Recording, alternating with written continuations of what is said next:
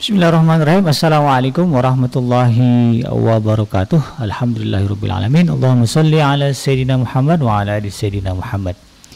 Kembali berjumpa di udara di gelombang 1044 time iDream Radio Successful Muslim Family bersama saya Bikenji akan memandu Anda dalam kajian spesial Ramadan bersama iDream dalam edisi Ngaji From Home di mana kita akan sama-sama mendengarkan kajian dari berbagai narasumber yang insya Allah ya sudah biasa mengisi kajian-kajian yang ada di iDream TV dan juga di iDream Radio.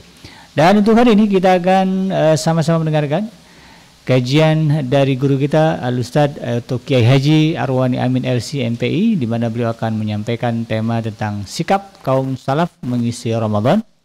Dan tentu ini adalah tema yang sangat menarik karena kita tahu bahwa mereka ya kaum salaf adalah generasi terbaik yang disebutkan oleh Rasulullah SAW setelah generasi Rasulullah dan juga para sahabatnya.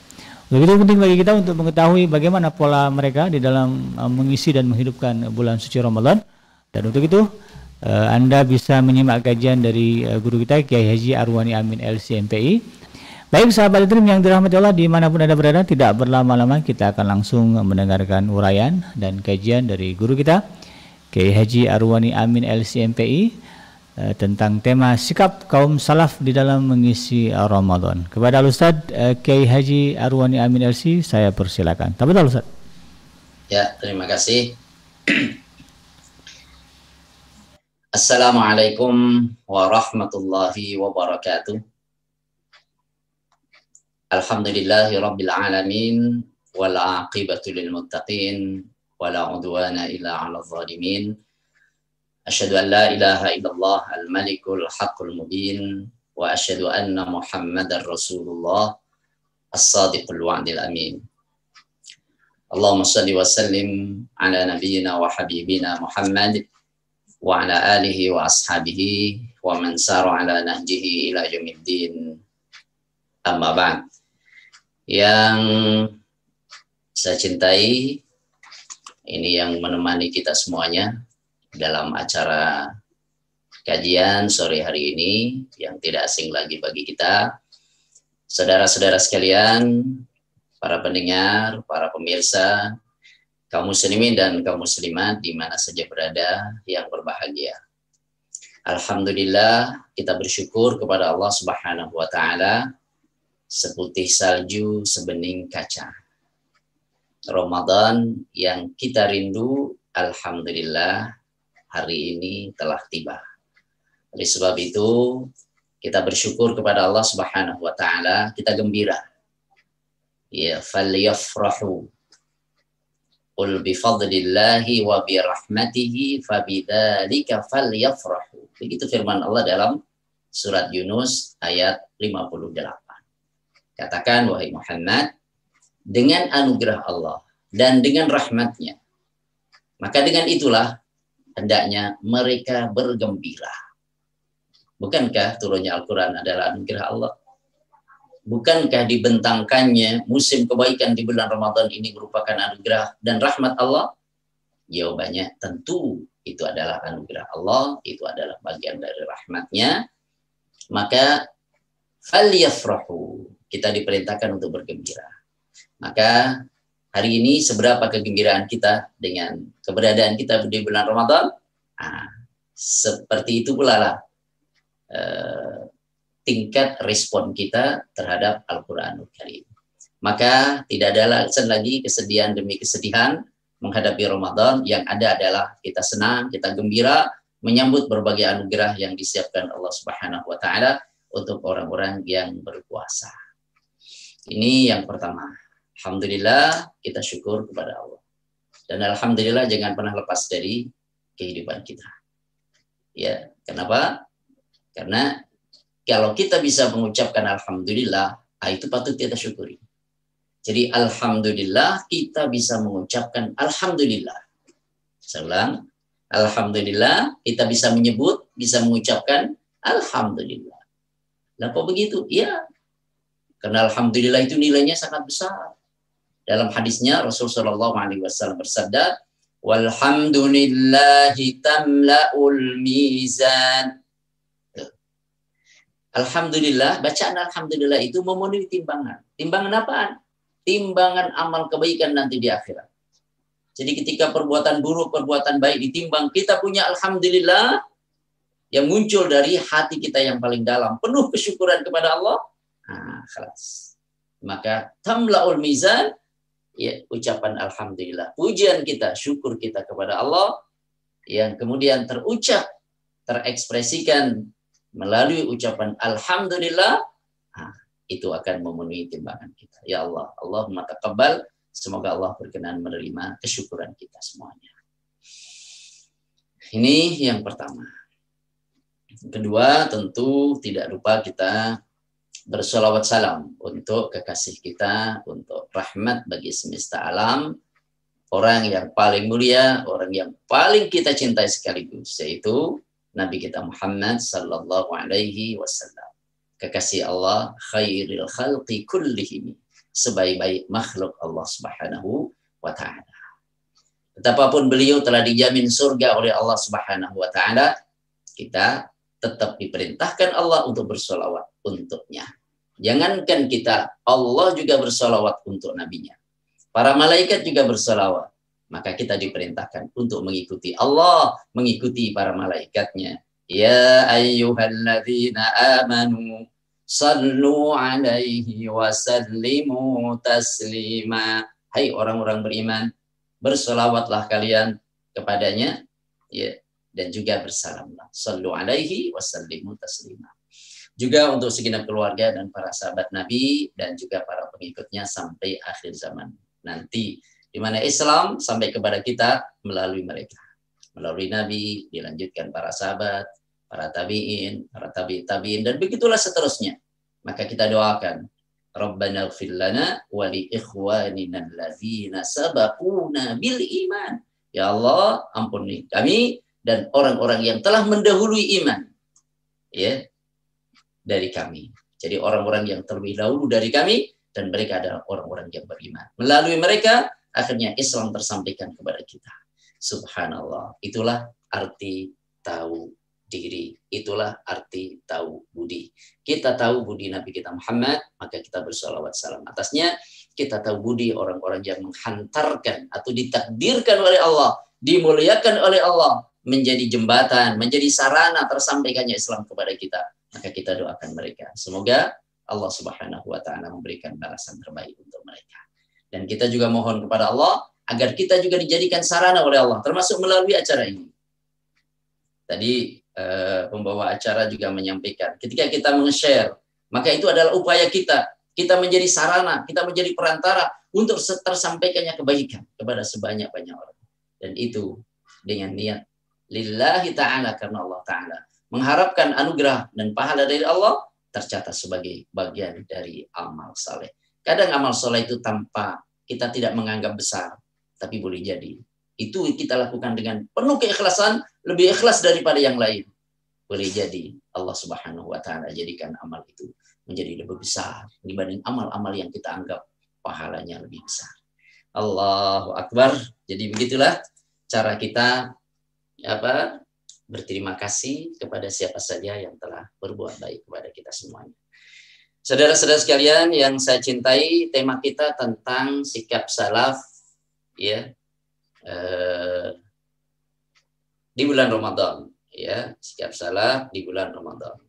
Ini sedikit ada, catatan ya, secara garis besar saja.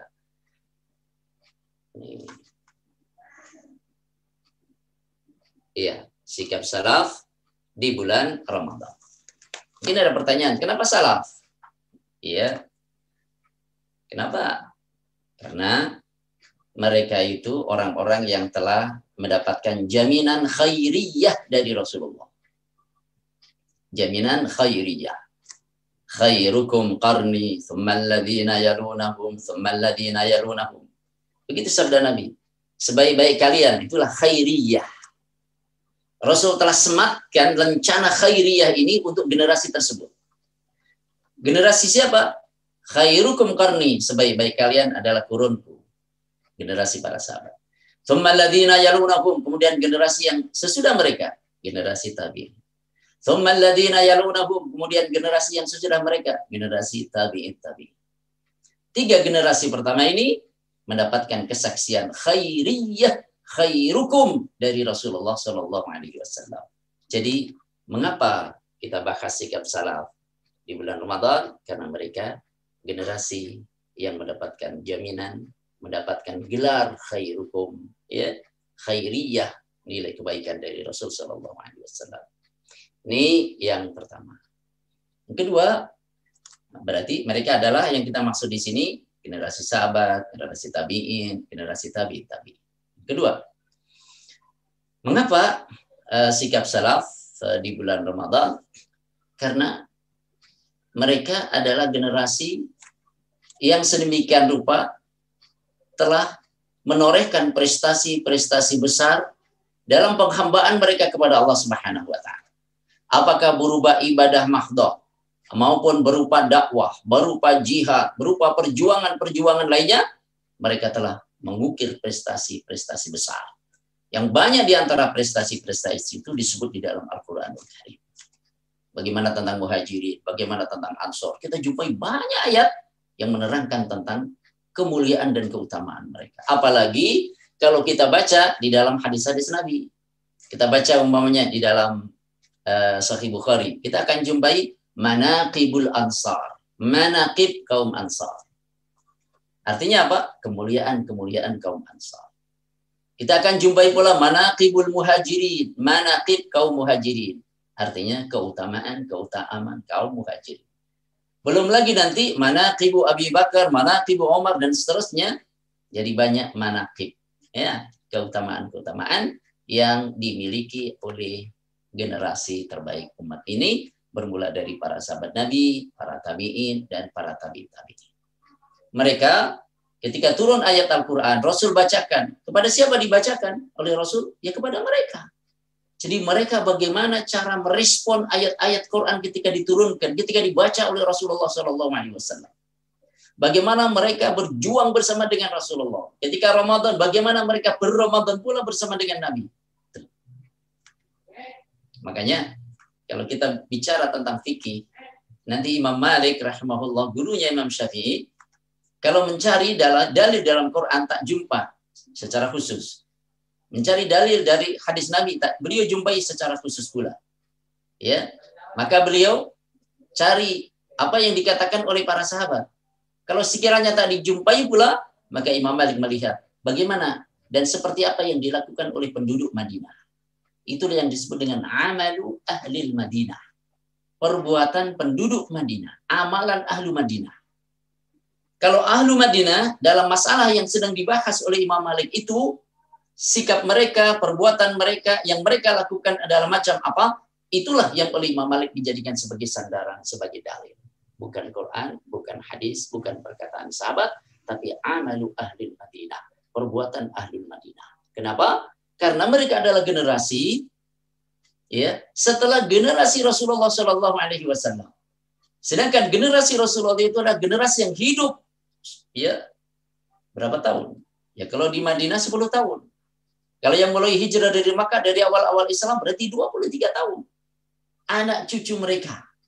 Berarti mereka mewarisi amalan dari generasi sebelumnya. Maka oleh Imam Malik diambil sebagai hujjah sebagai argumen untuk menentukan hukum-hukum dalam Islam. Subhanallah. Ini yang kedua, bahwa salafus saleh mereka telah mengukir prestasi-prestasi terbaik di dalam pengamalan ajaran-ajaran yang diturunkan oleh Allah Subhanahu wa taala kepada Nabi kita Muhammad sallallahu alaihi wasallam. Termasuk ini kunci ini, termasuk. Bagaimana salafus saleh ketika mendengar ya ayyuhalladzina amanu kan tentang puasa dipanggil ini kan dengan panggilan ya ayyuhalladzina amanu.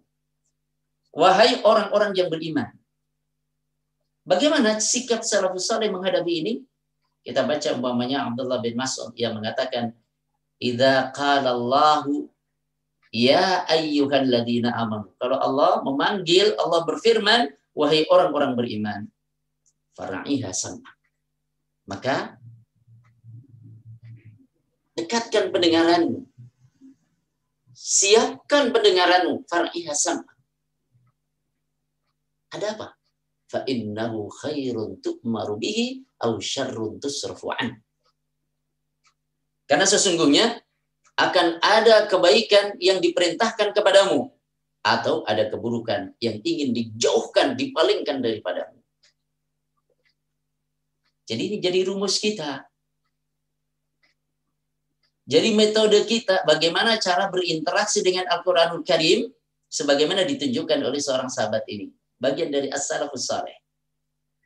Jadi kalau ada panggilan ya ayyuhalladzina amanu berarti satu di antara dua. Ada kebaikan yang Allah akan hadirkan kepada kita. Siapa yang tidak ingin kebaikan? Tentu kita semuanya ingin. Kalau kita menginginkan kebaikan, maka dengarkan, perhatikan kalau ada panggilan ya ayyuhalladzina Atau yang kedua, keburukan yang dijauhkan Allah dari kita. Siapa yang tidak ingin dilepaskan, dijauhkan dari keburukan? Tentu kita semuanya menginginkan itu. Maka siapa yang ingin selamat dari keburukan? Kalau ada panggilan, hai orang-orang beriman, maka siapkan pendengaran dan perhatian dengan baik. Dengan kata lain, mendengar ya ayyuhalladzina amanu itu identik selamat identik selamat. Kalau orang terhindar dari keburukan dan mendapat kebaikan, apa artinya kalau bukan selamat? Identik dengan beruntung. Kalau orang lepas dari keburukan dan mendapatkan berbagai macam kebaikan, kalau bukan keuntungan apa namanya? Jadi ya ayyuhalladzina amanu itu identik dengan sukses. Kalau orang terjauhkan, terhindar dari berbagai macam malapetaka, bencana, keburukan-keburukan dunia dan akhirat, dan ia mendapatkan kebaikan-kebaikan dunia dan akhirat. Apa namanya kalau bukan sukses? Al-fawzul azim itulah sukses besar. Faman zuhziha nar wa udkhila al-jannah faqad faz wa mal hayatud dunya illa mata'ul ghurur. Siapa yang diselamatkan, dijauhkan dari api neraka, wa udkhilal jannatan dan dimasukkan ke dalam surga. Faqad faz. Sungguh dia telah sukses. Dia telah beruntung. Jadi sukses itu apa? Sukses itu masuk surga. Selamat dari neraka. Itu sukses. Kalau belum itu belum sukses. Kita sudah sukses punya sekian banyak perusahaan. Alhamdulillah syukurilah. Kita sudah sukses bisa men, apa namanya melahirkan anak didik sekian. Alhamdulillah syukurilah Mohon supaya agar Allah berkenan menerimanya. Kalau itu semuanya perusahaan kita, kekayaan kita, ilmu kita, amalan kita, itu adalah amal-amal yang kita lakukan dengan ikhlas, sesuai dengan tuntunan Nabi. Sehingga diterima oleh Allah, itulah sukses. Karena itu yang menghantarkan ke surga. Jadi sukses itu selamat dari neraka, dapat surga. Kalau orang dapat surga dan selamat dari neraka, mati muskilah, no problem. Jadi muskilah kita adalah kalau masuk neraka. Itu muskilah. Maka kita minta kepada Allah agar kita dijauhkan dari api neraka. Terlebih di bulan Ramadan nih. Bulan Ramadan ini dalam hadis yang diriwayatkan Imam Tirmidzi, diriwayatkan Ibnu Majah, ya. Dalam riwayat Tirmidzi kita baca Rasulullah Shallallahu alaihi wasallam bersabda tentang Ramadan. Sejak awal Ramadan Rasul terangkan Inna lillahi utaqa'a minan nar wa dzalika kulla lailah. Ini riwayat Tirmidzi. Kalau riwayat Ibnu Majah, inna lillahi utaqa inna lillahi inda kulli fitrin utaqa wa dzalika fi kulli lailah. Di riwayat Ibnu Majah. Yang artinya sesungguhnya Allah Subhanahu wa taala pada setiap malam Ramadan itu menetapkan ada orang-orang yang dinyatakan bebas dari api neraka. Dalam riwayat Ibnu Majah, sesungguhnya pada setiap berbuka puasa, dan ini tiap malam Ramadan. Karena berbuka itu kan berarti masuk malam Ramadan. Setiap berbuka puasa, setiap memasuki malam Ramadan, setiap itu pula Allah tetapkan di antara hamba-hambanya ada yang bebas dari api neraka. Apa artinya bebas dari api neraka? Tak tersentuh oleh neraka. Apa artinya tak tersentuh api neraka? Tidak mengalami siksaan di neraka. Berarti tol langsung masuk ke surga. Allah. Allah. Itulah sukses yang sesungguhnya. Semoga Allah menjadikan kita semuanya suami kita, istri kita, anak cucu kita, orang-orang yang kita cintai, eh? orang-orang yang kita ajak, orang-orang yang kita dakwai. Semoga semuanya oleh Allah Subhanahu wa taala dibimbing meniti jalan yang dengan di jalan itu diridhoi Allah Subhanahu wa taala kemudian ditetapkan oleh Allah sebagai orang-orang yang bebas merdeka dari api neraka. Amin ya rabbal alamin. Dari itu kita perlu rindu surga. Ada orang yang nanya kepada seorang sahabat namanya Al-Qaqa, gimana caranya supaya kami rindu surga? Tolong nasihati kami. Beliau radhiyallahu anhu menjawab, "Fiha Rasulullah." Di dalamnya ada Rasulullah. Di dalamnya ada Nabi Muhammad sallallahu alaihi wasallam. Masya Allah. Jadi siapa yang mencintai Nabi, siapa yang merindukan Nabi, maka Nabi ada di surga di akhirat nanti. Siapa yang ingin bertemu Nabi, maka masuklah ke dalam surga akan bertemu Nabi. Siapa yang masuk surga itu orang yang mendapatkan anugerah dari Allah. Sebabnya apa? Di antara sebabnya adalah iman dan amal saleh kita. Walaupun kita masuk surga semata-mata karena rahmat Allah, namun Allah memberikan rahmat ada sebab-sebabnya. Jadi alhamdulillah ini mukadimah ya tentang sikap kaum salaf di bulan Ramadan. Makanya kita mendengar Ya ayyuhalladzina amanu kutiba alaikumus siyam. Demen banget nih kita. Karena Allah akan hadirkan kebaikan untuk kita. Allah akan jauhkan keburukan dari kita. Telah ditetapkan untuk kamu berpuasa, diwajibkan untuk kamu berpuasa.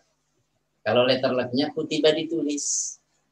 Telah ditulis puasa untuk kamu. Nah, Alhamdulillah sekarang mulai hujan di sini. Mas. Sama dengan di Depok ya. Sini mulai hujan pula. Alhamdulillah. Kita jangan lupa berdoa. Allahumma sayyiban nafi'ah. Ya Allah. Semoga ini menjadi hujan yang membawa manfaat. Amin. Ya Rabbal Alamin. Baik. Kita lanjutkan. Bagaimana sikap kaum salaf di bulan Ramadan? yang menjadi pijakan para sahabat Nabi, ya, para tabi'in, para tabi'in tabi'in, ya, kaum salaf itu yang mereka jadikan pijakan tentunya adalah petunjuk baginda Nabi kita Muhammad sallallahu alaihi wasallam. Petunjuk Nabi itu yang jadikan jadi kalau mereka punya sikap, mereka punya amal, mereka punya kebiasaan, mereka punya dedikasi, mereka punya kontribusi, semua yang mereka lakukan itu mengacu kepada petunjuk Nabi Shallallahu Alaihi Wasallam. Maka izinkan saya bacakan dulu macam apa petunjuk Nabi, bagaimana sikap Nabi ini Ramadan. Dari situ nanti kita akan tahu as-salafus salih mengacunya ke sana. Begitu. Saya bacakan dari kitab Zadul Ma'ad fi hadyi khairil ibad. kitab Zadul Ma'ad fi hadyi khairil ibad. Ini salah satu kitab yang ditulis atau disusun oleh Imam Ibnul Qayyim rahimahullah. Ya, artinya Zadul Ma'ad itu bekal ya untuk kembali. Zadul ma'ad. Bekal untuk kembali fi hadi khairil ibad. Ya, tentang petunjuk sebaik-baik hamba, yaitu petunjuk yang diberikan oleh Nabi kita Muhammad sallallahu alaihi wasallam. Atau al-ma'ad artinya tempat kembali. Jadi bekal menuju tempat kembali di akhirat nanti. Ya, kitab ini berkaitan dengan petunjuk yang diberikan oleh khairil ibad sebaik-baik Eh, para hamba yaitu Nabi kita Muhammad Sallallahu Alaihi Wasallam. Jadi seperti apa hadiun Nabi Sallallahu Alaihi Wasallam di Ramadan, petunjuk Nabi di bulan Ramadan. Wa kana min hadihi. Sambil ngaji kitab ya pelan-pelan aja. Wa kana dan adalah min hadihi di antara petunjuknya. Petunjuk Nabi sallallahu alaihi wasallam fi syahri Ramadan di bulan Ramadan macam kita sekarang di bulan Ramadan di antara petunjuknya itu adalah al-iktsaru memperbanyak. Memperbanyak apa? Memperbanyak min anwa'il ibadati dari macam-macam ibadah. Ini rumus umumnya ini.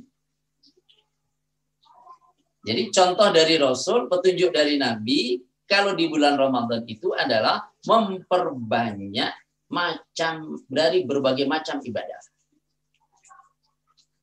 Puasa itu jelas ibadah. Dan itu menjadi bagian dari rukun Islam. Qiyamul lail itu juga ibadah. Diperbanyak oleh Nabi. Membaca Al-Quran itu juga bagian dari ibadah. Diperbanyak oleh Nabi. Bersedekah itu bagian dari ibadah. Menolong orang bagian dari ibadah. Etika bagian dari ibadah. Ya. Jadi intinya adalah al-iktsar min anwa'il ibadah. Memperbanyak macam-macam ibadah. Karena ibadah itu cakupannya sangat luas, maka jangan dipersempit. Ibnu Taimiyah rahimahullah mengatakan al-ibadatu ismun. Ibadah itu sebutan. Nama jami'un yang mencakup. Sebutan yang mencakup. Mencakup apa saja? Likulli ma yuhibbuhu Allah wa yarda. Mencakup apa saja yang Allah cintai dan Allah ridhoi. Minal aqwali berupa ucapan-ucapan. Wal a'mali dan perbuatan-perbuatan. Al-zahirah yang tampak wal batinah yang dan yang tersembunyi.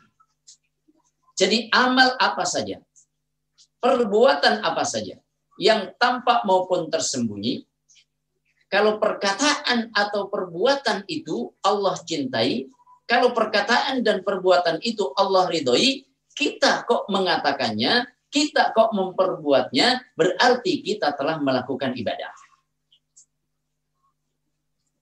Ya, kalau ketemu orang wajahnya ramah, seneng nggak? Iya. Orang senang. Dan Allah suka pula kalau hambanya ini bermuka berseri-seri terhadap saudaranya. Dan itulah yang disabdakan Nabi, tabassumuka fi wajhi akhika sadaqah. Senyum kamu di hadapan wajah saudara kamu itu sedekah. Jadi sedekah itu perlu orang lain, ya. Perlu orang lain. Sedekah senyum ini perlu orang lain. Sebab kalau senyum-senyum sendiri nanti bisa masalah. Jadi rumusnya di bulan Ramadan ini adalah amal ibadah apa saja yang mampu kita lakukan bismillah perbanyak. Terkadang orang dimudahkan oleh Allah di satu bentuk amal, tapi kurang mudah di amal yang lain. Maka amal yang Allah mudahkan kepada kita untuk bisa lakukan, perbanyaklah itu. Ada orang yang dimudahkan untuk banyak berinfak karena Allah berikan kelegaran rezeki. Lakukan sesuai dengan amal. Ada orang yang dimudahkan oleh Allah untuk banyak membaca Al-Qur'an. Ya, maka lakukan yang mudah baginya. Ada orang yang dimudahkan oleh Allah Subhanahu wa taala untuk membantu kanan kiri orang lain. Tetangga-tetangga membutuhkan bantuannya, dia nomor satu, terdepan maka silahkan perbanyak melakukan amal yang telah dibuka dan dimudahkan oleh Allah Subhanahu wa taala. Dan tentunya siapa yang dimudahkan untuk berbagai amal, masya Allah, itu anugerah besar dari Allah. Infaknya banyak, baca Qur'annya banyak, ya sholat malamnya juga banyak, eh, apalagi ya iktikafnya juga nggak pernah uh, absen di setiap, terutama di setiap 10 terakhir Ramadan. Masya Allah. Orang yang dimudahkan macam ini, ini anugerah dari Allah Subhanahu wa taala. Jangan merasa berjasa, jangan. Tapi itu adalah jasa Allah untuk kita, bukan kita berjasa kepada Allah. La tamunnu alayya islamakum بل الله يمن عليكم أن هداكم للإيمان Jangan kalian merasa berjasa kepadaku Muhammad karena keislaman kalian. Jangan karena berislam, berjuang, merasa berjasa kepada Nabi lah. Cara berpikirnya diarahkan oleh Al-Quran. Balillahu yamunnu alaikum. Melainkan Allah lah yang telah memberikan anugerah kepada kalian, berjasa kepada kalian. Yaitu anhadakum lil iman. Bahwa Allah telah memberikan hidayah kalian kepada kalian untuk beriman. Jadi kita bisa beriman itu anugerah Allah. Kita bisa beramal saleh itu anugerah Allah. Kita bisa banyak berkiprah melakukan amal saleh banyak itu anugerah dari Allah. Ya Allah, ya Allah, ya Allah, terimalah, terimalah, terimalah ya Allah. Begitu. Masya Allah, Masya Allah. Jadi yang dilakukan Nabi ini juga dilakukan oleh salafus saleh. Nanti sebagiannya akan kita baca bagaimana di antara praktek mereka. Kemudian mulailah dirinci. Ini adalah amalan Rasul di bulan Ramadan. Intinya adalah memperbanyak ya dari berbagai macam ibadah. Kemudian mulai dirinci. Maka Jibrilu, maka adalah Jibril, malaikat. Malaikat Jibril. Yudarisuhul Quran, tadarus Quran dengannya. Jadi malaikat Jibril tadarus Quran dengan Nabi suhul Qur'ana tadarus Quran dengan Nabi fi Ramadana di bulan Ramadan. Di bulan Ramadan. Maka kita mengikuti jejak Nabi pula tadarus Quran. Iya, tadarus Quran. Tapi kita nggak bisa dengan malaikat Jibril. Dengan malaikat nggak bisa, tapi dengan malaikat bisa. Apa bedanya malaikat dengan malaikat? Bedanya kalau malaikat itu hamba Allah yang dipilih oleh Allah, yang mulia, diutus oleh Allah untuk melaksanakan tugas-tugas tertentu dan mereka terbuat dari cahaya. Mereka selalu taat kepada Allah, tak pernah berbuat maksiat sama sekali. Malaikat. Kalau malaikat beda lagi. Malaikat itu mungkin di antara kita juga harus begitu, harus jadi malaikat, melek mangkat. Begitu. Jadi nggak bisa dengan malaikat Jibril, tapi insya Allah ada malaikat, malaikat mangkat. Apalagi ini semua di malam Ramadan, Ramadan di hari-hari Ramadan. Nah, sebelum subuh sudah bangun. Tapi yang belum terbiasa bangun sebelum subuh, nah ini luar biasa nih pembiasaan. Membangun karakter itu adalah melalui kebiasaan. Dan kebiasaan itu melalui cara mengulang-ulang. Dan mengulang-ulang itu melalui cara melakukan sekali dan melakukan sekali itu asalnya ada tekad untuk melakukannya. Jadi untuk membentuk watak itu berangkat dari niat. Pertama kerentak di dalam hati. Kalau begitu saya mau niat lah. Oke, perkuat niat menjadi tekad. Setelah menjadi tekad, lakukan sekali saja. Begitu sudah melakukan sekali, berarti saya bisa. Iya bisa. Berarti mengulang lebih mudah. Iya, mengulang lebih mudah. Terbukti bisa kok. Bisa diulang lagi dua kali. Uh, dua kali mampu kita. Iya, Berarti kita lebih mampu lagi daripada sebelumnya. Iya. Diulang yang ketiga, diulang keempat, kelima, menjadi kebiasaan. Kalau sudah menjadi kebiasaan, ah, itu menjadi karakter, menjadi watak.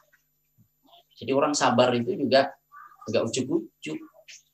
Proses. Berusaha untuk sabar, walaupun tangan sambil ngepal gini, ya sama maafin. Tapi ngepal tangannya. Nanti lama-lama semakin kendor, semakin kendor, semakin dia mudah memaafkan wal afina 'anil nas. Bukan hanya dia menahan marah, tapi mau memaafkan orang lain. Subhanallah. Jadi tadarus Al-Quran. Apa artinya tadarus? Satu baca, satu nyimak. Itu tadarus. Satu lagi nyimak, satu baca. Tadarus.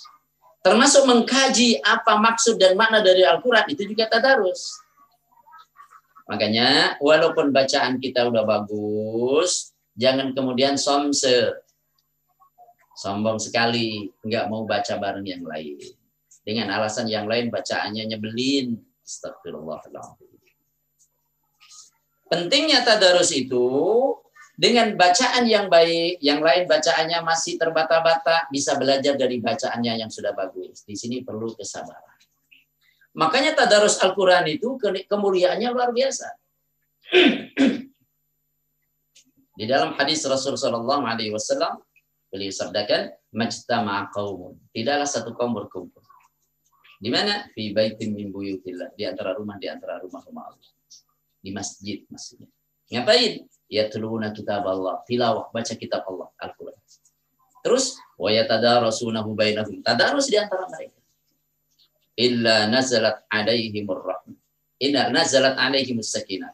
Melainkan sakinah atau ketentraman turun kepada mereka. Wa humur rahmah. Mereka diliputi oleh kasih sayang Allah. Wa humul malaika. Mereka dikelilingi oleh malaikat. Dijaga oleh para malaikat. Malaikat tawadu dan senang ada di forum itu, di majelis itu. Wa dzakarahumullahu fi man indah. Dan Allah menyebut-nyebut mereka orang yang tadarus tadi di hadapan para malaikat yang ada di sisinya. Si fulan, si fulan, si fulan si fulana, si fulana, si fulana. Mereka sedang tadarus membaca Quran. Nama-nama si fulan dan fulana itu disebut Allah di hadapan para malaikatnya. Allah. Kadang tetangga satu RT ada yang nggak kenal. Tapi dengan tadarus Quran kita dikenal Allah Subhanahu wa taala. Kalau Allah kenal kita, tenang, cukup. Wala akbar dan sungguh diingat oleh Allah, disebut oleh Allah itu akbar, lebih besar dari yang lain. Bagaimana caranya supaya diingat Allah? Fadkuruni adkurkum. Ingatlah aku Allah, pasti aku ingat kalian. Dan Quran adalah kalau kita baca berarti kita sedang mengingat, sedang berzikir kepada Allah Subhanahu wa taala. Jadi Nabi Shallallahu Alaihi Wasallam tadarus Quran dengan malaikat Jibril di bulan Ramadan. Al Imam Asyafi'i rahimahullah diceritakan oleh muridnya, beliau itu kalau di bulan Ramadan tadarus Qurannya itu khatam 60 kali. Gak salah dengar Ustaz. 60 kali. Enggak, enggak salah dengar. Benar. 60. 6 kosong. 6 tambah 0. 60, bukan 6 kali. 60 kali. Bagaimana itu rasionalisasinya? Bisa. Kalau orang satu jam membaca tiga juz, kalau sudah lancar baca tiga juz itu bisa. Apalagi sudah hafal Quran. Apalagi sudah di luar kepala. Di luar kepala itu nggak pakai mikir. Baca Quran itu ngalir gitu saja kayak baca Fatihah. Alhamdulillahirabbil alamin arrahmanir rahim. Ngalir gitu saja. Dan orang yang hafalannya sudah kuat atau dia bacaannya sudah sangat lancar, satu jam bisa membaca tiga juz. Kalau tiga puluh juz berarti perlu sepuluh jam. Sambil ngerjain ini, ngerjain itu, sambil baca Quran. Hafal. Inilah keutamaan orang yang punya hafalan Al-Quran. Kemudian malamnya satu juz. Apa namanya? Satu khataman. Siang khatam sekali, malam khatam sekali. Sepuluh jam, sepuluh jam. Masih ada empat jam untuk istirahat. Apa enggak kurang? Spesial Ramadan kurangin tidur. Ini di antara amal salah besar ya. Spesial Ramadan kurangin tidur. Termasuk spesial Ramadan adalah kurangin makan. Wah nanti lemas eh, gizi tetap diperlukan. Jangan berlebihan. Jangan malah ketika berbuka puasa dipuas-puasin, dendam. Jangan. Kita puasa itu untuk menahan diri, menahan syahwat. Jangan sampai ketika Ramadan melampiaskan syahwat tidak terkendali. Akhirnya sholat maghribnya terlambat. Nggak dapat sholat jamaah atau dapat sholat jamaah tapi dapatnya assalamualaikum warahmatullah. Tapi dapat jamaah iya dapat jamaah. Cuman nilainya beda dengan orang yang ikut jamaah dari sejak takbiratul ikhram. Maka di antara amalan Ramadan yang penting kita jaga, kita jaga sholat antara lain dapatkan takbiratul ikhram bersama dengan imam dapatkan takbiratul ihram bersama dengan imam. Mendapati takbiratul ihram bersama dengan imam artinya imam ketika mengucapkan membaca Allahu akbar langsung di belakangnya karena kita sudah siap standby ready Allahu akbar. Itu namanya mendapati takbiratul ihram imam. Rasul dalam satu sabdanya mengatakan siapa ya yang sholat berjamaah 40 hari. La tafutuhu takbiratul ula. tidak ketinggalan takbirah takbir yang pertama yaitu takbiratul ihram. Jadi sholat 40 hari dan selama 40 hari itu tidak pernah ketinggalan takbiratul ihram bersama imam. Kutibat lahu bara'atan maka ditulis untuknya dua kebebasan. Yang pertama bara'atum minan nar, yang kedua bara'atum minan nifaq. Yang pertama bebas dari api neraka, yang kedua bebas dari kemunafikan. Orang munafik susah melakukan itu. Maka kita ingin memantaskan diri, berusaha apa namanya sebisa mungkin adalah yang dalam waktu kita ini selama 40 hari sama sekali tidak ada yang lepas dari sholat jamaah lima waktu walaupun satu kali dan mendapati takbiratul ihram. Bagaimana caranya? Siap sebelum waktu sholat tiba. Nah, ini amalan utama ini di bulan Ramadan. Istimewanya lagi bahwa intidharus salat salah. Menunggu salat itu nilainya sama dengan salat. Walaupun ketika menunggu sholat itu, kita tidak sedang sholat, melainkan kita sedang dikir, mungkin kita sedang baca Quran, mungkin kita sedang berdoa, mungkin kita sedang baca buku. Ya. Mungkin ada yang sedang bertanya di WA, Pak Ustadz hukumnya apa? Kita tanya. Silaturahim. Menunggu sholat itu nilainya sama dengan sholat. Jadi Rasulullah Shallallahu Alaihi Wasallam bersabda kepada para sahabatnya yang waktu itu nunggu sholat isya sampai tengah malam. Jadi Nabi pernah satu waktu beliau ditunggu oleh para sahabat di Masjid Nabawi tidak keluar keluar dari rumah. Sebagian orang itu untuk sholat isya. Sebagian orang kemudian sholat isya lalu pulang karena sudah makin larut malam. Tapi ada di, di antara para sahabat itu ada yang tetap bertahan sampai kemudian Rasulullah keluar menjelang tengah malam. Apa kata Nabi setelah sholat eh, melaksanakan sholat isya? Beliau katakan bahwa ini adalah sebaik-baik waktunya, yakni waktu sholat isya, kalau tidak memberatkan umatku. Tapi karena itu memberatkan umatnya, maka Rasul tidak lakukan itu kecuali sekali dua. Kemudian beliau bersabda bahwa wa ma ziltum fis salati mundun tazartumuha dan kalian itu selalu berada dalam sholat sejak kalian menunggunya. Jadi sejak menunggu sholat itu nilainya keutamaannya sama dengan sholat. Jadi untuk mendapati takbiratul ihram bersama dengan imam, di antara cara yang bisa kita lakukan adalah datang ke tempat sebelum sholat dilaksanakan. Syukur bisa sebelum adzan. Masya Allah. Kita kembali kepada teks yang tadi kita baca dari Zadul Ma'ad. Ya. Wa kana idza laqiyahu Jibril. Jadi tadi sudah ya tentang tadarus Al-Qur'an. Tentang tadarus Al-Qur'anul Karim bahwa Rasul tadarus dengan Jibril. Para sahabat juga tadarus satu dengan yang lain memperbanyak bacaan Quran. Kita jumpai di antara para sahabat ada yang menghatamkan Quran tiga hari sekali. Ada yang menghatamkan Al-Quran setiap hari Jumat.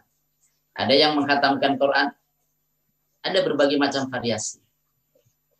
Tapi rata-rata mereka ketika masuk Ramadan, kemudian mereka lebih tingkatkan lagi frekuensi khatamannya lebih banyak dibanding hari-hari lainnya.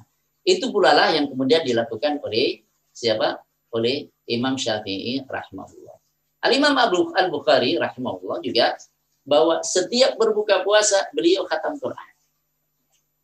Jadi ngimamin Quran, ngimamin salat 20 ayat, 20 ayat, 20 ayat, kemudian beliau lanjut begitu bangun tidur apa namanya di waktu uh, tengah malam di setengah setelah tengah malam beliau baca lagi sampai separuh atau sepertiga Al-Qur'an, dilanjut lagi. Nanti ketika iftar beliau sudah khatam Al-Quran. Setiap iftar khatam Quran. Dan setiap iftar itu ada doa yang mustajab, apalagi ada juga khatam Al-Quran. Allah. Asyik banget ini kalau setiap hari di rumah kita bisa khatam Al-Quran. Setiap iftar. Berarti ini perlu target. Ayo, barangkali di antara kita dalam keluarga ada yang belum belum membuat perencanaan, belum buat target di bulan Ramadan. Kemarin ngobrol-ngobrol dengan anak-anak yang keluarga. Yang mau masuk TK gimana kamu? Puasa enggak? Puasa. Alhamdulillah. Walaupun siang tadi nangis-nangis tidak buka. Tapi dihibur, disemangati, senyum-senyum. Alhamdulillah sampai sekarang. Katanya lagi yang kelas 2 mau khatam berapa kali? Tahun kemarin khatam sekali, sekarang dua kali. Masya Allah. Kita tanya lagi abangnya, ada yang ingin khatam dua kali. Giliran emaknya ditanya, mau khatam berapa kali? Nih, masih sendiri malu-malu sambil ini. Ya, minta doanya ya semuanya. Ingin ada kenaikan lah bulan ini. Gimana? Inginnya Insya Allah semoga dimudahkan Allah bisa khatam setiap tiga hari sekali. Ada peningkatan. Alhamdulillah. Jadi tingkatkan frekuensi bacaan kita terhadap Al-Quran Yang tidak kalah pentingnya adalah di samping tilawah kita juga berusaha untuk tadabur Al-Quran. Entah berapa, satu hari satu ayat tadabur Al-Quran. Bagus.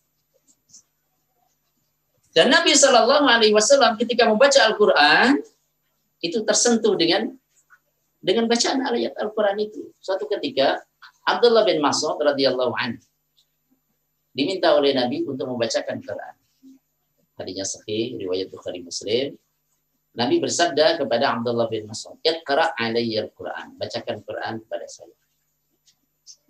Kira-kira kalau kita yang jadi Ibnu Mas'ud disuruh baca Quran gimana jawaban kita? Kalau Ibnu Mas'ud menjawab, "Aqra'u alayka wa alayka unzid." Aku bacakan Quran kepadamu sedangkan Quran itu Allah turunkan kepadamu wahai Rasulullah. Tawadu, tawadu di hadapan guru di hadapan Nabi. Bagaimana saya membacakan Quran kepadamu sedangkan Quran ini Allah turunkan adalah kepadamu ya Rasulullah. Apa jawab Nabi? Nabi, uhibbu an asma'ahu min ghairi. Aku senang mendengarnya dari orang lain. Aku senang mendengarnya dari orang lain. Artinya Rasul senang mendengar Quran itu dibaca oleh sahabatnya. Beliau mendengarkannya. Jadi kalau kita senang mendengar Quran dibacakan oleh saudara kita, nah ini ada contoh sunnah dari Rasul Shallallahu Alaihi Wasallam. Tapi kok kayaknya jarang yang jangan jarang. Ayo kita seringkan. Kalau itu jarang seringkan. Tapi gak enak minta sama orang bacain Quran dong kita dengerin gak enak. Ya udah sama istri kita, sama suami kita. Iya, saya minta dibacain sama istri. Istri kita lagi halangan. Alasan lagi. Ini. Aisyah radhiyallahu anha beliau sedang haid. Beliau sedang haid. Ya. Kemudian Rasulullah Shallallahu alaihi wasallam meletakkan kepalanya di pangkuan Aisyah dan beliau membaca Al-Qur'anul Karim. Jadi kalau sedang haid masih tetap punya kesempatan mendengar bacaan dari suaminya. Begitu suami. Mengikuti salafus saleh, mengikuti Nabi Shallallahu alaihi wasallam. Kembali kepada Ibnu Mas'ud dengan Nabi. Nabi minta kepada Ibnu Mas'ud, "Iqra' alayya al-Qur'an." Bacakan Quran kepada saya. Maka Ibnu Mas'ud bertanya, "Aqra'u alayka wa alayka unsil?" Aku bacakan kepadamu sedangkan Quran diturunkan kepadamu. Rasul jawab, "Uhibbu an asma'ahu min ghairi." Aku senang mendengarnya dibaca orang lain. Maka dibacalah oleh Abdullah bin Mas'ud surat An-Nisa. Surat yang keempat. Yang kalau di walimahan suka dibaca nih surat.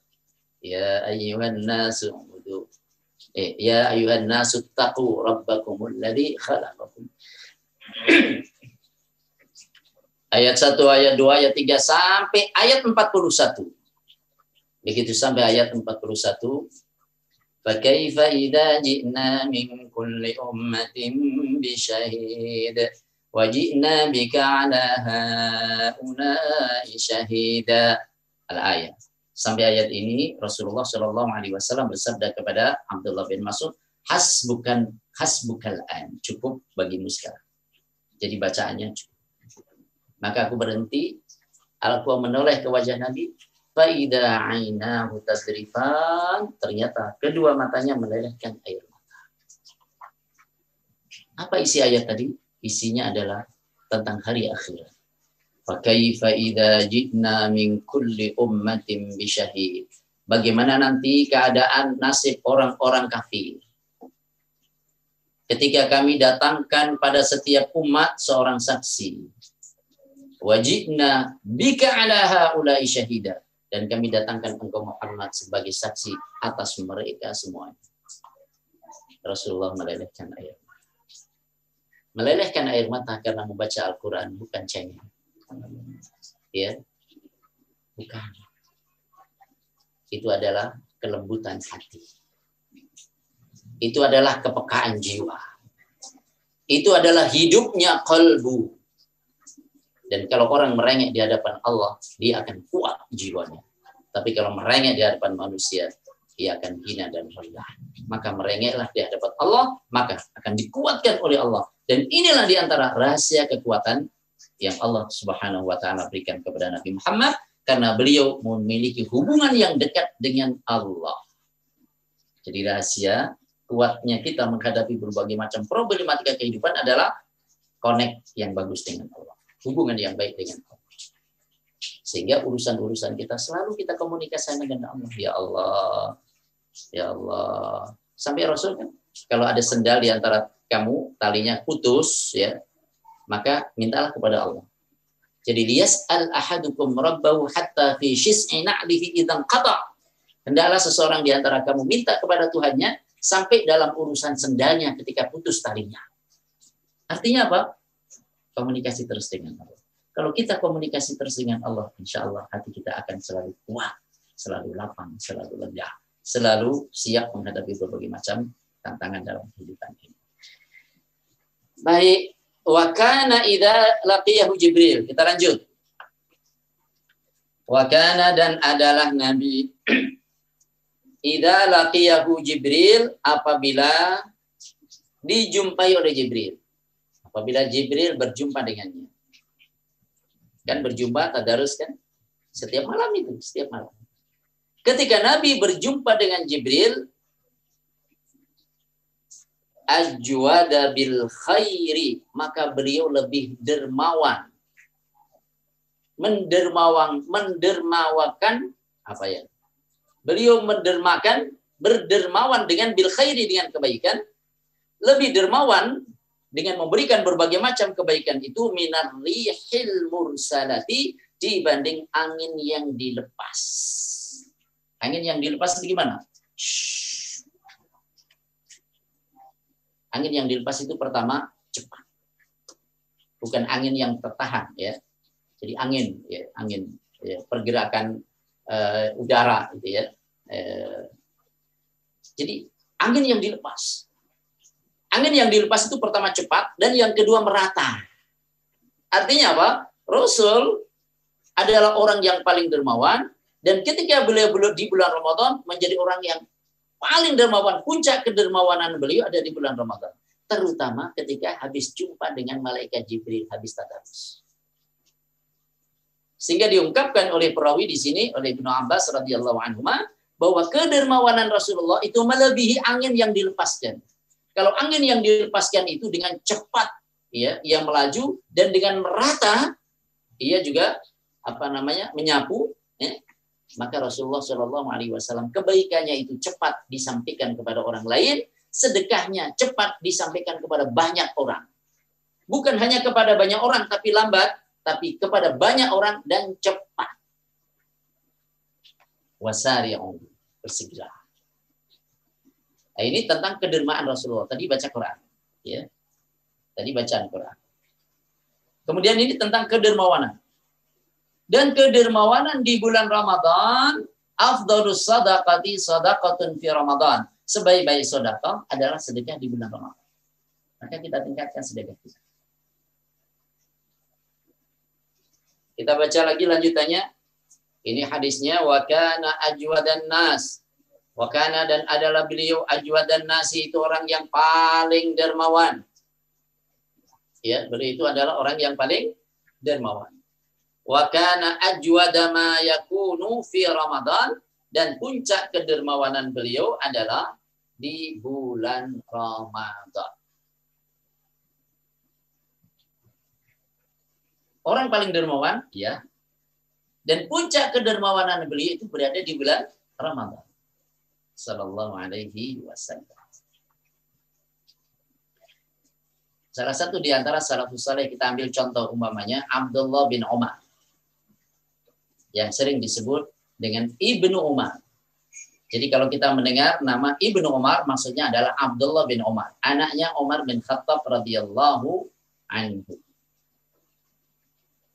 Abdullah bin Umar tidaklah ia berbuka puasa kecuali bersama dengan anak-anak yatim dan orang-orang miskin. Dijamu di rumahnya. Ya. Suatu ketika umpamanya ini orang-orang miskin anak-anak yatim kok nggak ada di rumahnya.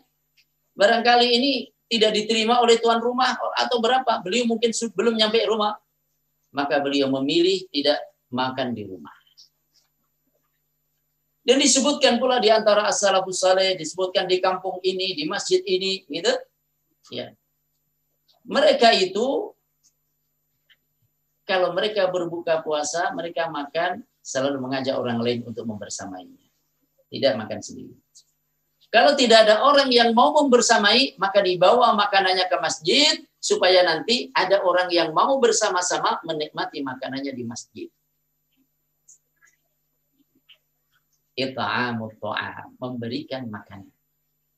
Memberikan iftar, berbuka puasa. Memberikan makanan, memberikan berbuka puasa nilainya, Masya Allah. Ini bahasan tersendiri. Man iman siapa yang memberi buka puasa kepada orang yang berpuasa. Pahalanya sama dengan orang yang berpuasa itu sendiri. Kalau begitu saya nggak usah puasa, Ustaz. Emang kenapa? Jangan ngasih buka aja. Kan udah sama dengan puasa. Puasa Ramadan itu hukumnya wajib kutiba alaikumus siyam. Tidak bisa diwakili oleh orang yang lain kecuali kalau sakit, kecuali kalau gila. Ya. Kalau sakit pun nanti harus dikontrol di waktu yang lain. Kecuali kalau sudah tua, tidak mampu lagi berpuasa, maka diganti dengan fidyah. Sampean mau sakit sehingga nggak bisa puasa, oh enggak, mau sehat ya sudah kalau sehat puasa. Jangan merasa kebanyakan pahala, nanti saya kebanyakan pahala. Astagfirullahaladzim. Dosa kita Berapa banyak pahala kita? Mana amal kita yang kita sudah yakin diterima Allah? Kita belum tahu. Kita belum tahu. Makanya orang mukmin itu jama'a baina ihbai uh, jama'a ihsanan wa khaufa.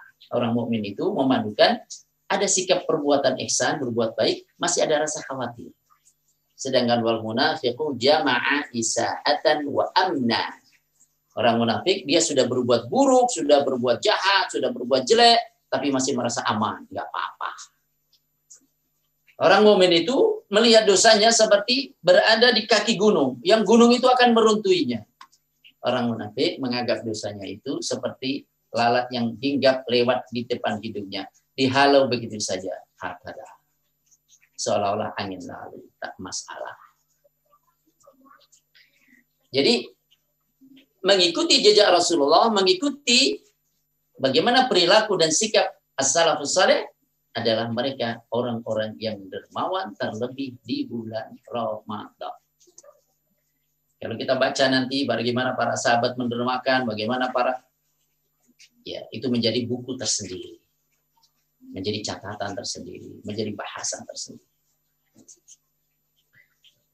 Dan subhanallah, sedekah itu di samping itu merupakan amal saleh kebaikan, di belakang itu juga terbuka kebaikan-kebaikan keislaman.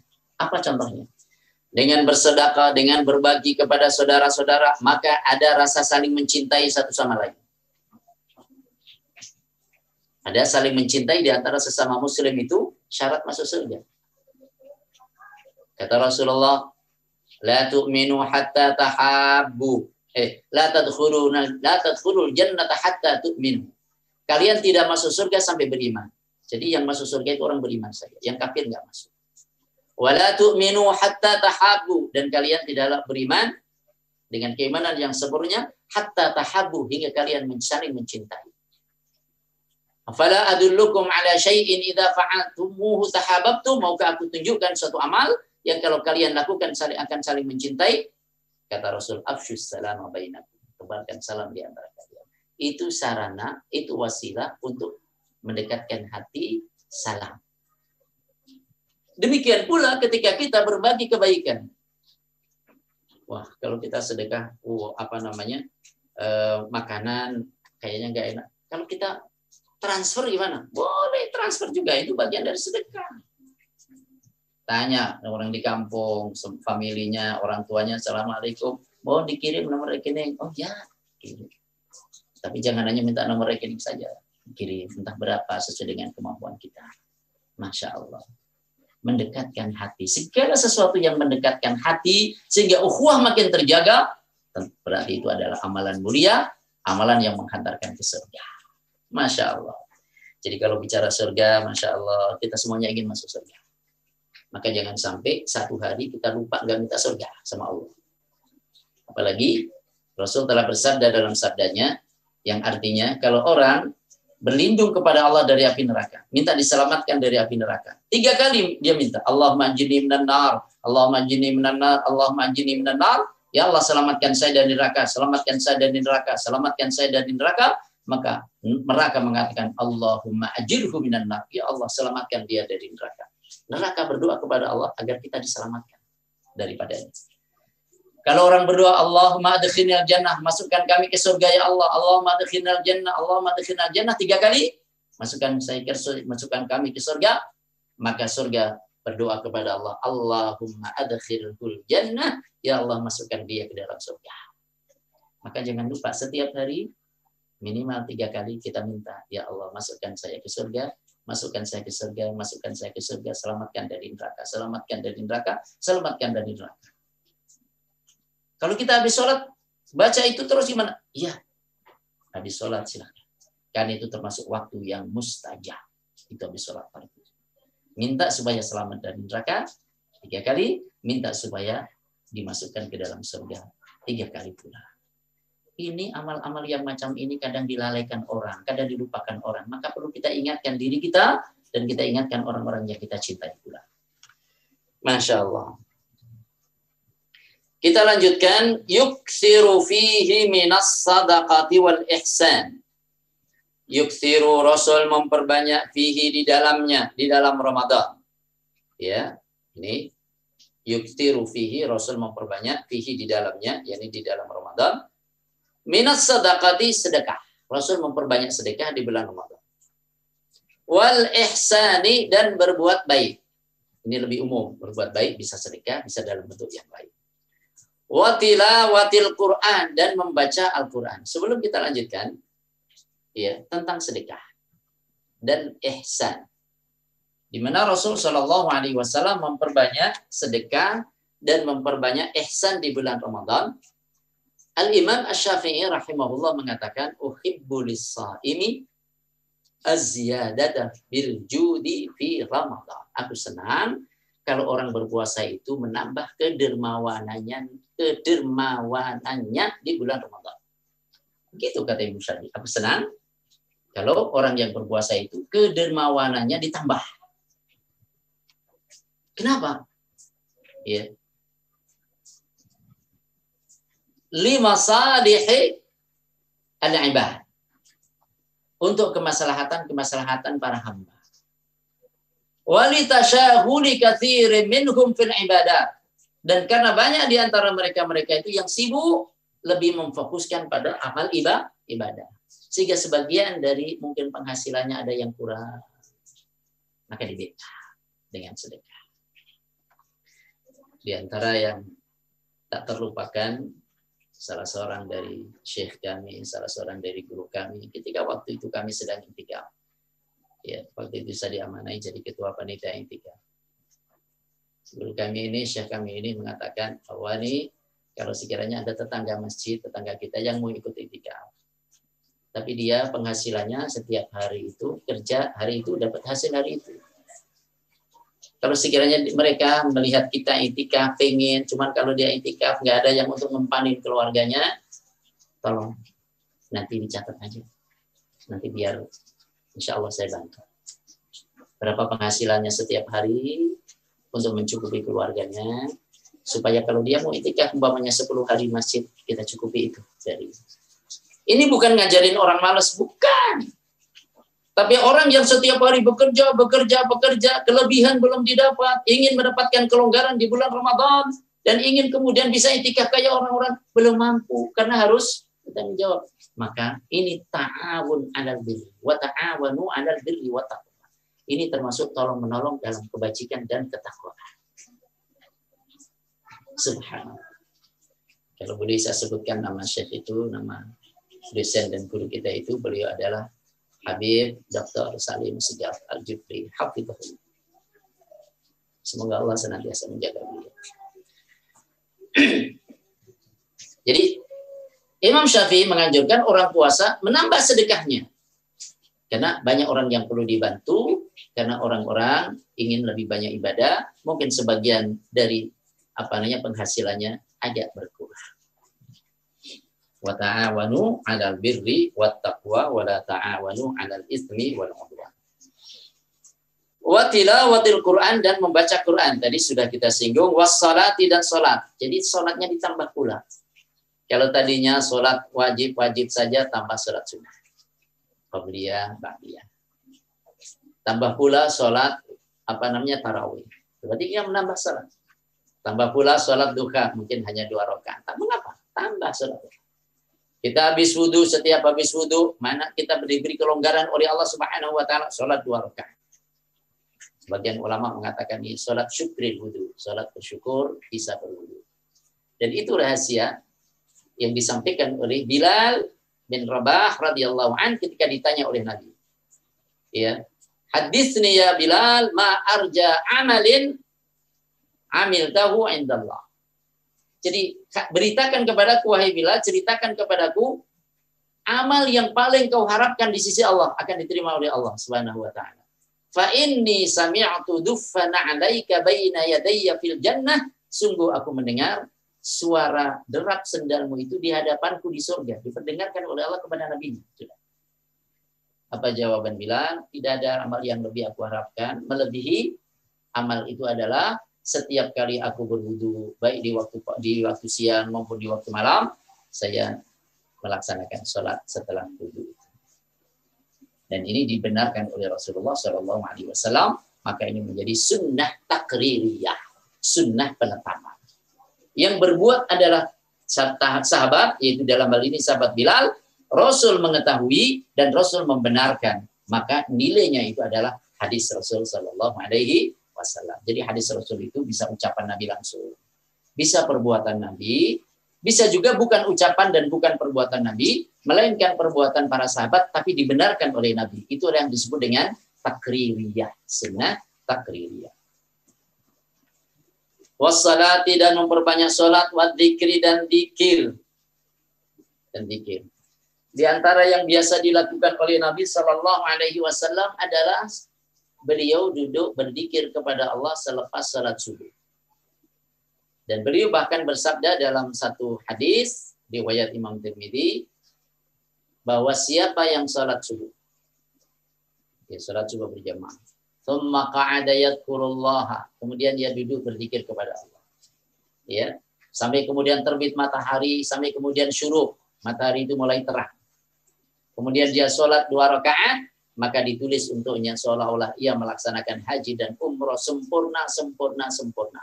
Kalau di bulan Ramadan kita bisa dikir macam itu tiap hari, masya Allah, itu kemuliaan luar biasa yang boleh jadi andai kata Ramadan Ramadan belum sebelumnya kita belum bisa melakukannya, semoga di Ramadan ini kita mendapatkan taufik untuk itu. Setelah sholat subuh, dalam sebulan, tapi kita dikir. Berupa apa dikir? Baca Quran itu dikir. Baca istighfar juga dikir. Baca tasbih juga dikir. Baca la ilaha illallah juga dikir.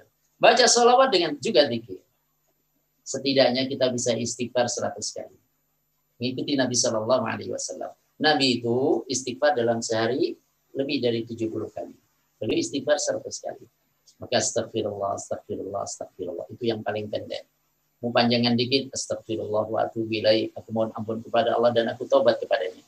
Mau panjangan lagi, yang lebih sempurna. Astagfirullah, alladzi la ilaha illa huwal hayyul qayyum wa atubu ilaih.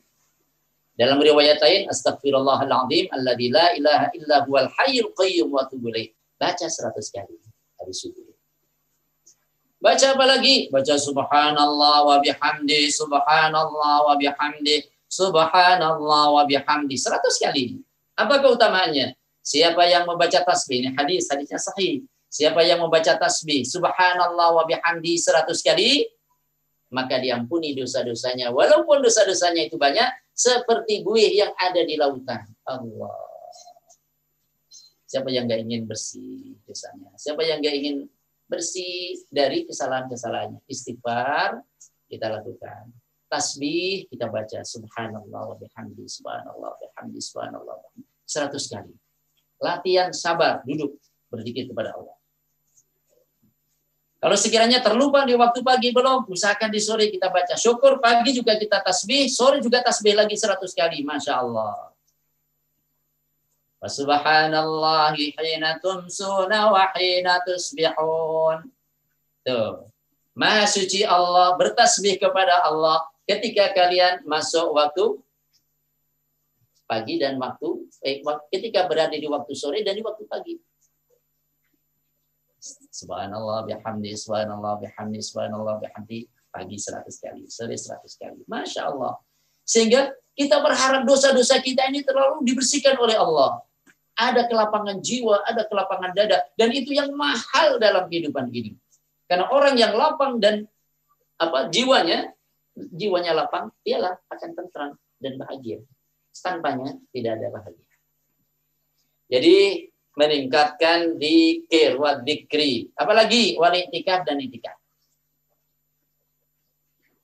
Kalau tidak bisa 10 hari full di bulan Ramadan, setidaknya pernah bisa. Para ulama menganjurkan, Imam Nawawi umpamanya menyebutkan dalam kitabnya Al-Adhkar yang saya ingat, bahwa kalau ada satu keutamaan disebutkan oleh Nabi. Kalau kita tidak termasuk orang yang bisa mendawamkannya, setidaknya pernah kita melakukannya walaupun hanya sekali. Rasul Shallallahu Alaihi Wasallam di bulan Ramadan beliau itikaf 10 hari terakhir.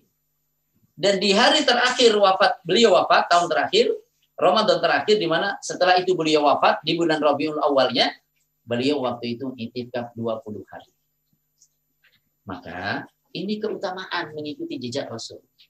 Kalau kita tidak bisa setiap tahun, ya setidaknya pernah dalam kehidupan kita sekali seumur hidup kita pernah itikaf full 10 hari di masjid.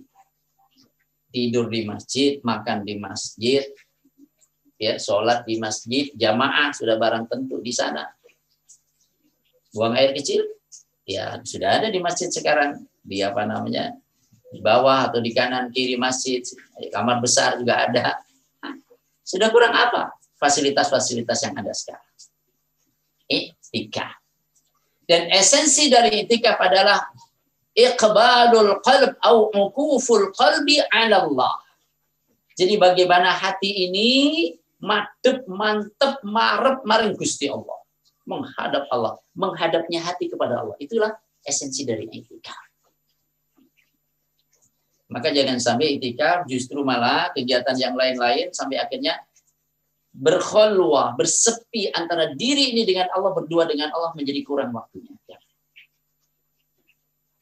Ada ta'lim bagus, ya.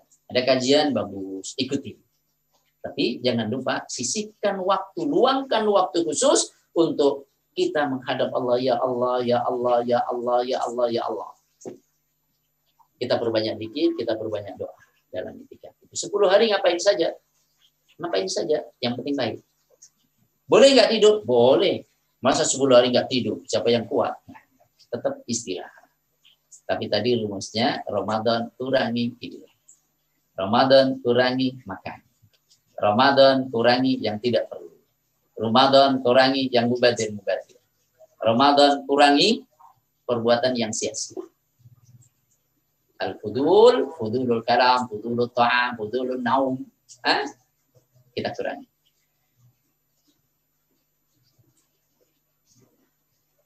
Wa kana yakhussu Ramadhan min al-ibadati wa kana dalam Nabi yakhussu menspesialkan Ramadhan Ramadan min al-ibadati berupa ibadah bima la yakhussu ghairahu bihi dengan ibadah-ibadah yang tidak beliau spesialkan di bulan lainnya minasyuhuri dari bulan-bulan yang lain. Hatta innahu hingga sesungguhnya beliau kana lari wasilu beliau melakukan wisal. Fihi di bulan Ramadan ahyanan kadang-kadang liwaffir sa'ata lailihi wa naharihi 'ala ibadah untuk menghemat waktu-waktu malam dan siangnya dalam ibadah. Maksudnya gimana? Gini. Singkatnya, jadi di bulan Ramadan ini Rasulullah Shallallahu Alaihi Wasallam mengkhususkannya, memberinya ibadah-ibadah spesial. Ya, ibadah-ibadah mana tidak beliau lakukan di luar Ramadan. Artinya apa? Ditambah ibadahnya di bulan Ramadan ini yang tidak beliau lakukan di selain bulan Ramadan. Maka dari itu, kalau kita ingin mengikuti Nabi, mengikuti as-salafus saleh, maka jangan jadikan Ramadan ini seperti bulan-bulan lainnya. Tingkat bacaan Qur'annya sama, berarti menganggap Ramadan macam bulan yang lain. Ya, tingkat sedekahnya sama, berarti di sini seperti menyamakan Ramadan dengan yang lain. Nabi ibadah-ibadah beliau di bulan Ramadan ini semuanya ditingkatkan. Ya, dengan kualitas maupun kuantitas yang tidak beliau lakukan di luar dari bulan Ramadan di bulan-bulan lainnya.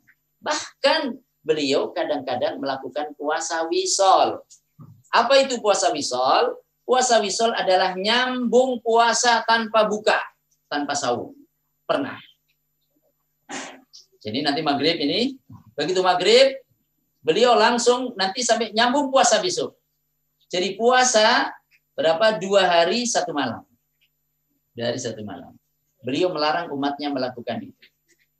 Tapi beliau pernah melakukannya. Maka ada yang nanya, inna katuasi, tapi kau sendiri pernah melakukan wisal ya Rasulullah. Rasul menjawab, lastu atikum. Saya dalam hal ini tidak seperti keadaan kalian. Ini abitu yut'imuni eh, rabbi wa yasqini. Karena saya bermalam dalam keadaan diberi makan dan diberi minum oleh Tuhan. Maksudnya gimana? Apakah makan minum fisik? Bukan melainkan Allah memberikan kekuatan kepada beliau seperti kekuatan energi yang diperoleh dari makanan dan minuman. Allah memberikan kekuatan kepada beliau melalui ibadah beliau, melalui dikir beliau, melalui doa beliau. Orang kalau hatinya tentram, hatinya nyaman, hatinya bahagia, itu memiliki kekuatan yang lebih dibanding orang yang dalam keadaan murung, dalam keadaan sedih, dalam keadaan pikiran kacau. Cepat letih. Jadi Nabi Shallallahu Alaihi Wasallam merasakan lezatnya ibadah kepada Allah Subhanahu Wa Taala sehingga yang demikian itu menjadi apa namanya tenaga bagi beliau, menjadi energi bagi beliau seperti energi makan dan minum. Mengapa beliau lakukan itu? Disebutkan di sini liyuwaffira sa'ata lailihi wa naharihi ala ibadah untuk menghemat waktu-waktu malam dan siangnya untuk ibadah. Sampai diperhitungkan itu waktu makannya Jangan sampai nanti habis waktunya untuk makan dan minum.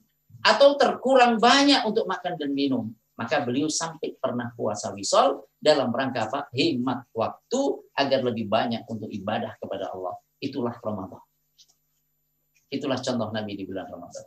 Dan begitulah tadi sebagian dari eh, contoh yang diberikan oleh As-Salafus Saleh eh, sikap mereka di bulan Ramadan. Barakallah fikum. Ini saya sudah bicara banyak ini. Sudah satu jam setengah apa ya. Kurang lebih ini. Semoga manfaat. Mohon maaf atas segala khilaf.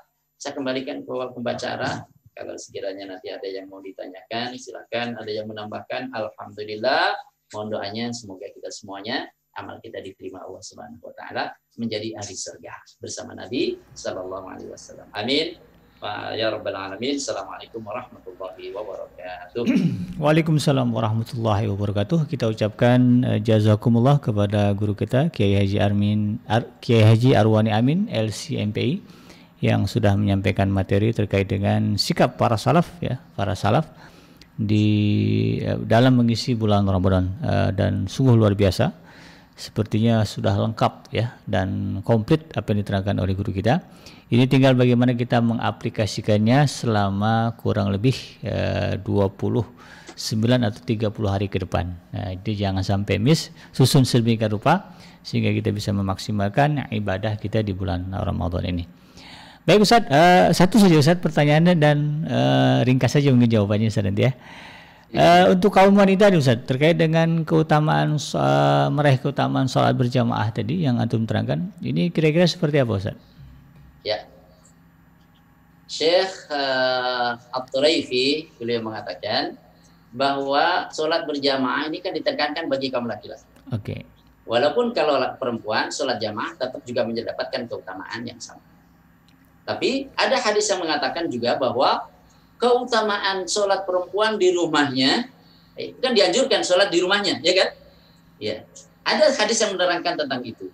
Syekh At-Turaifi mengatakan, ketika Rasul menunjukkan keutamaan sholat seorang perempuan di rumahnya, bahkan di kamarnya, ya, bahkan di kamarnya.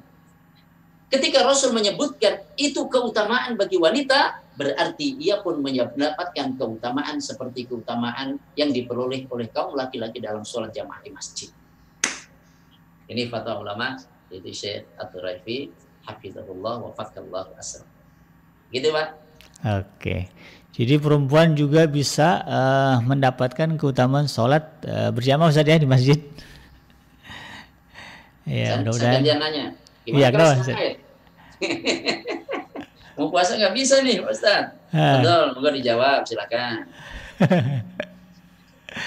Iya iya iya iya. Jadi Ayo. memang uh, ya ya kita kembali kepada apa yang Antum terangkan tadi bahwa memang Eh, perempuan juga memiliki ya, berhak untuk mendapatkan keutamaan sebagaimana keutamaan yang didapatkan oleh kaum lelaki. Baik Ustaz, eh, jazakumullah sekali lagi eh, saya ucapkan atas segala ilmu yang telah antum curahkan pada kesempatan kali ini. Dan karena kebersamaan yang kita sudah uh, di ujung waktu, mohon memberikan uh, statement uh, apa closing statement Ustaz terkait dengan tema kita pada hari ini untuk jamaah kita. Silakan Ustaz. Semoga Allah Subhanahu wa taala memberi taufik kepada kita sekalian untuk Amin, ya melakukan amal-amal yang istimewa yang Allah cintai, Allah ridhai, Allah terima. Amin ya Allah. Pertama, yang kedua, jangan lupa kita minta kepada Allah semoga kita semuanya ditulis oleh Allah Subhanahu wa taala termasuk hamba-hambanya yang utaqa aminan nar, bebas dari api neraka dan menjadi ahlul jannah al-firdaus al-a'la amin ya rabbal alamin. La'allakum tattaqun. Dan surga itu muiddat bil muttaqin disiapkan untuk orang-orang yang takwa. Jangan lupa merindukan surga. Amin. jangan lupa merindukan surga. Di sana ada Rasulullah Shallallahu Alaihi Wasallam. Semoga Allah himpun kita semuanya bersama dengan beliau di surga Allah yang penuh kenikmatan. Amin ya rabbal alamin. Mohon maaf saya kembalikan waktunya. Assalamualaikum warahmatullahi wabarakatuh Waalaikumsalam warahmatullahi wabarakatuh. Demikian sahabat Edrim yang dirahmati Allah di mana pun anda berada, tentu sudah kebersamaan kita dalam kajian spesial Ramadan dalam uh, edisi ngaji from home bersama uh, narasumber Kiai Haji Arwani Amin LCMPI yang sudah menyampaikan materi terkait, terkait dengan sikap kaum salaf uh, mengisi Ramadan. Mudah-mudahan kita bisa mengamalkan apa yang beliau sampaikan. Saya uh, Abi Kenji beserta kru yang bertugas uh, pamit untuk dari ruang dengar Anda. Mohon maaf atas segala kehilafan dan kekurangan. Subhanaka Allahumma rabbana wa bihamdika asyhadu an la ilaha illa anta astaghfiruka wa atubu ilaik. Walhamdulillahirabbil alamin. Wassalamualaikum warahmatullahi wabarakatuh.